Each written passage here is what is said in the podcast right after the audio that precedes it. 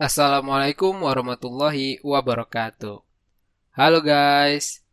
Dalam keadaan dalam keadaan apa pun kalian, semoga selalu dalam rahmatnya ya. Terima kasih ya. Terima kasih yang sudah dengerin. Di sini podcast.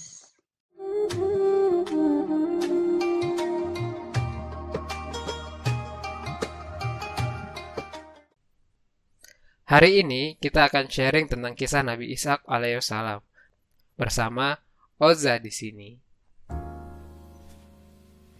Kisah Nabi Ishak alaihissalam ini akan kita mulai sebelum sang Nabi lahir. Kisah ini berawal saat para utusan datang mengunjungi orang tua sang Nabi. Tahu dong siapa orang tua Nabi Ishak alaihissalam? Nabi Ibrahim, Nabi Ibrahim, Nabi Ibrahim. Yup, benar sekali. Nabi Ibrahim alaihi salam dan istrinya Sayyidah Sarah. Para utusan ini jumlahnya lebih dari dua ya. Kenapa bilangnya lebih dari dua? Karena dalam Al-Quran bilangnya itu Rusulana guys. Rusulana ini merupakan jamak dari Rasul. Jadi kalau jamak itu berarti lebih dari dua. Tentang jumlah pastinya, walau alam nih guys. Jadi untuk mempermudah kita, kita sebut aja ini sebagai para utusan, seperti yang sudah diterjemahkan di Al-Quran Al-Quran terjemahan gitu. Jadi yang datang ini adalah para utusan. Oke, waktu para utusan datang mengunjungi Nabi Ibrahim alaihissalam, itu kan, tok tok tok, tok tok tok, tok tok tok tok. Biasanya kalau biasanya kita ngetok tiga kali guys. Nah kalau udah tiga kali tidak ada jawaban dari tuan rumah maka lebih baik mengundurkan diri. Oke mengundurkan diri di sini bukan resign guys. Maksudnya pulang. Kenapa pulang? Karena mungkin sang tuan rumah lagi tidak siap gitu. Mungkin lagi sakit atau mungkin lagi tidur atau mungkin tidak ada di rumah. Sehingga wise atau bijaksana ya kita lebih baik pulang dulu. Mungkin kita cari wak lain waktu untuk bertemu lagi. Oke lanjut nih ke kisah Nabi Ishak lagi. Sorry sorry. Tok tok tok. Cerai. Pintu dibuka oleh Nabi Ibrahim alaihissalam. Dan ketika pintu dibuka, para utusan langsung menyapa sekaligus mendoakan. Salam, Begitu kata para utusan. Salam, balas Nabi Ibrahim setelah membuka pintu. Selayaknya tamu dan tuan rumah, Nabi Ibrahim mempersilahkan para utusan untuk masuk ke dalam rumah. Sembari masuk ke dalam rumah, Nabi Ibrahim ini curi-curi ke belakang untuk menemui Sayyidah Sarah. Wahai istriku, mari kita sambut para tamu. Hidangkanlah makanan untuk mereka. Begitu kira-kira kata Nabi Ibrahim. Mendengar hal itu, Sayyidah Sarah langsung menyiap, menyiapkan daging anak sapi yang gemuk yang dibakar. Seperti di surat Al-Dariyat ayat 26. Jadi kalau kalian mau ngecek bisa langsung ke surat Al-Dariyat ayat 26 guys. Nah, daging sapi yang dibakar ini mungkin ya kira-kira kalau zaman sekarang tuh kayak stick gitu lah guys. Tapi bukan stick golf ya atau stick PS. Ini benar-benar stick gitu stick daging. Mungkin ya rasanya walau alam sih harusnya enak. Hidangan terbiki hidangan terbaik maksudnya. Nah ketika dihidangkan sesuatu yang aneh terjadi. Para utusan ini tidak menyentuh atau memakan makanan itu guys. Hal ini membuat Nabi Ibrahim dan sang istri merasa takut dan bertanya-tanya kenapa tidak dimakan?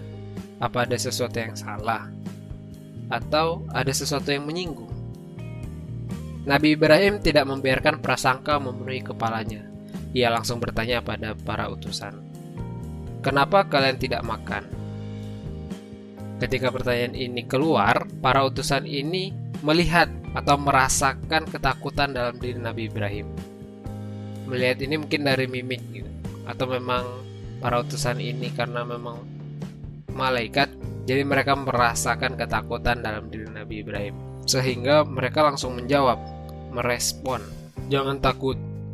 Kami sebenarnya diutus untuk kaum Lut. Kami ke sini hanya untuk mengabarkan suatu kabar gembira pada kalian Ahlul Bait.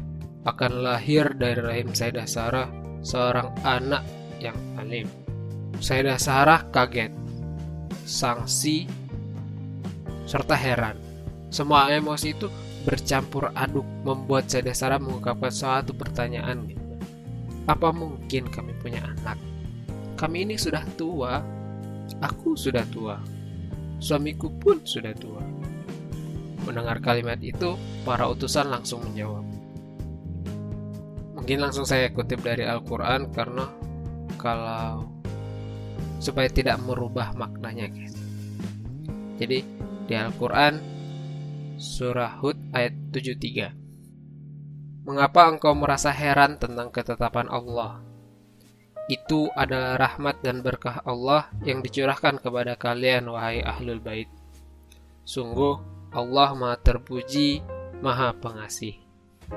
Jawaban ini menghilangkan rasa takut di hati atau benak Nabi Ibrahim dan Sayyidah Sarah, sehingga suasana kembali menjadi cair dan perbincangan tetap berlangsung dengan hangat. Di Al-Quran dijelaskan kalau perbincangan ini dilanjutkan tentang kaum Nabi Lut. Nah, Penasaran dong tentang kaum Nabi Lut ini akan seperti apa gitu kan? Terus pantengin, terus simak ceritanya di episode Nabi Lut ya guys. Oke kita lanjut di kisah Nabi Isa kan. Jadi seiring berjalan waktu ketika Nabi Ibrahim berusia 100 tahun dan Sayyidah Sarah berusia 90 tahun atau 14 tahun setelah lahirnya Nabi Ismail alaihissalam lahirlah seorang putra dari rahim Sayyidah Sarah. Anak laki-laki itu diberi nama Ishak. Nabi Ishak dibesarkan dan dididik Nabi Ibrahim dengan nilai-nilai tauhid, akhlak, ibadah, ilmu, skill, semuanya tertuju pada Allah. Didikan ini menjadikan Nabi Ishak sebagai pribadi yang pintar, baik, dan yang paling penting soleh. Beliau tumbuh dengan memperjuangkan kalimatullah, mengikuti jalan dakwah ayahandanya. Nabi Ishak berdakwah sampai ke negeri Kanan. Negeri Kanan ini sekarang kalau sekarang ya jadi negeri Palestina. Jadi teringat saudara-saudara kita di sana ya. Semoga di Ramadan ini mereka selalu diberkahi dan juga dapat menjalankan Ramadan dengan khidmat. Amin, amin ya robbal alamin. Oke. Di Kanan, Nabi Ishak dijodohkan dengan anak dari saudara Nabi Ibrahim. Dari riwayat namanya Rafqah atau Rafiqah binti Batu'il. Mereka menikah ketika Nabi Ibrahim alaihissalam masih hidup. Perjalanan atau pernikahan Nabi Ishak dan istri tidak berjalan dengan lempeng, guys. Banyak cobaan, rintangan, tantangan yang mereka hadapi. Salah satu cobaan yang sempat dimention di beberapa literatur tentang Rafiqah yang sulit untuk memiliki keturunan. Hal ini hampir sama dengan apa yang dialami ayahanda dan ibunda Nabi Ishak alaihissalam. Tapi karena memang karakter yang kuat dari keduanya, suami istri ini, dan visi yang tajam untuk memperjuangkan kalimatullah, serta pandangan yang sangat yakin pada takdir Allah, Hal itu tidak dijadikan masalah oleh mereka. Mereka tetap teguh memegang kalimat Allah, teguh berjuang di jalan Allah, dan tentu tetap berdoa, berusaha, serta bertawakal. Alhamdulillah, setelah lebih 20 tahun mereka menjalin bahtera rumah tangga, akhirnya doa Nabi Ishak dan istri untuk mempunyai keturunan dikabulkan. Tidak tanggung-tanggung nih guys, mereka dikaruniai anak kembar yang diberi nama Isyu dan Yakub. Keduanya dididik Nabi Ishak sekuat tenaga semampunya seadil-adilnya. Hingga kedua anak ini tumbuh menjadi remaja yang tangguh. Isyu menjadi pemburu yang gagah sedangkan Yakub mengikuti jalan Ishak alaihissalam untuk berdakwah. Selayaknya saudara, apalagi kembar, ada kalanya berselisih gitu guys. Dan kadang perselisihan perselisihan ini tidak bukanlah perselisihan kecil, Perselisihan ini harus diselesaikan dalam jangka waktu yang lama. Tapi sebelum wafatnya Nabi Ishak alaihissalam, ia berhasil untuk mendamaikan kedua anaknya yang berselisih ini.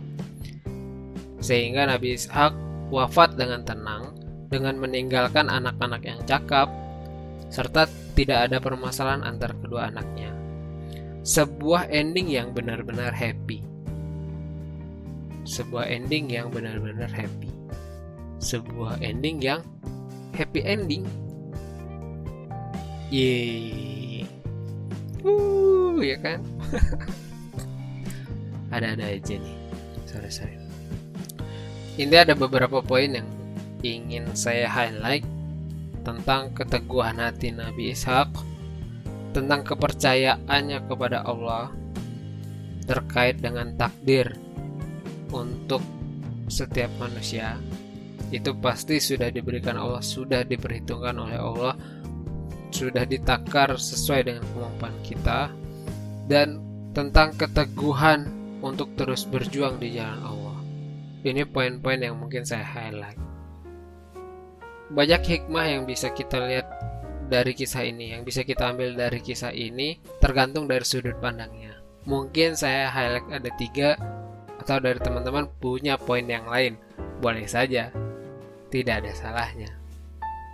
Oke, dan terakhir, saya ingin bilang dari sebuah kisah selalu ada hikmah.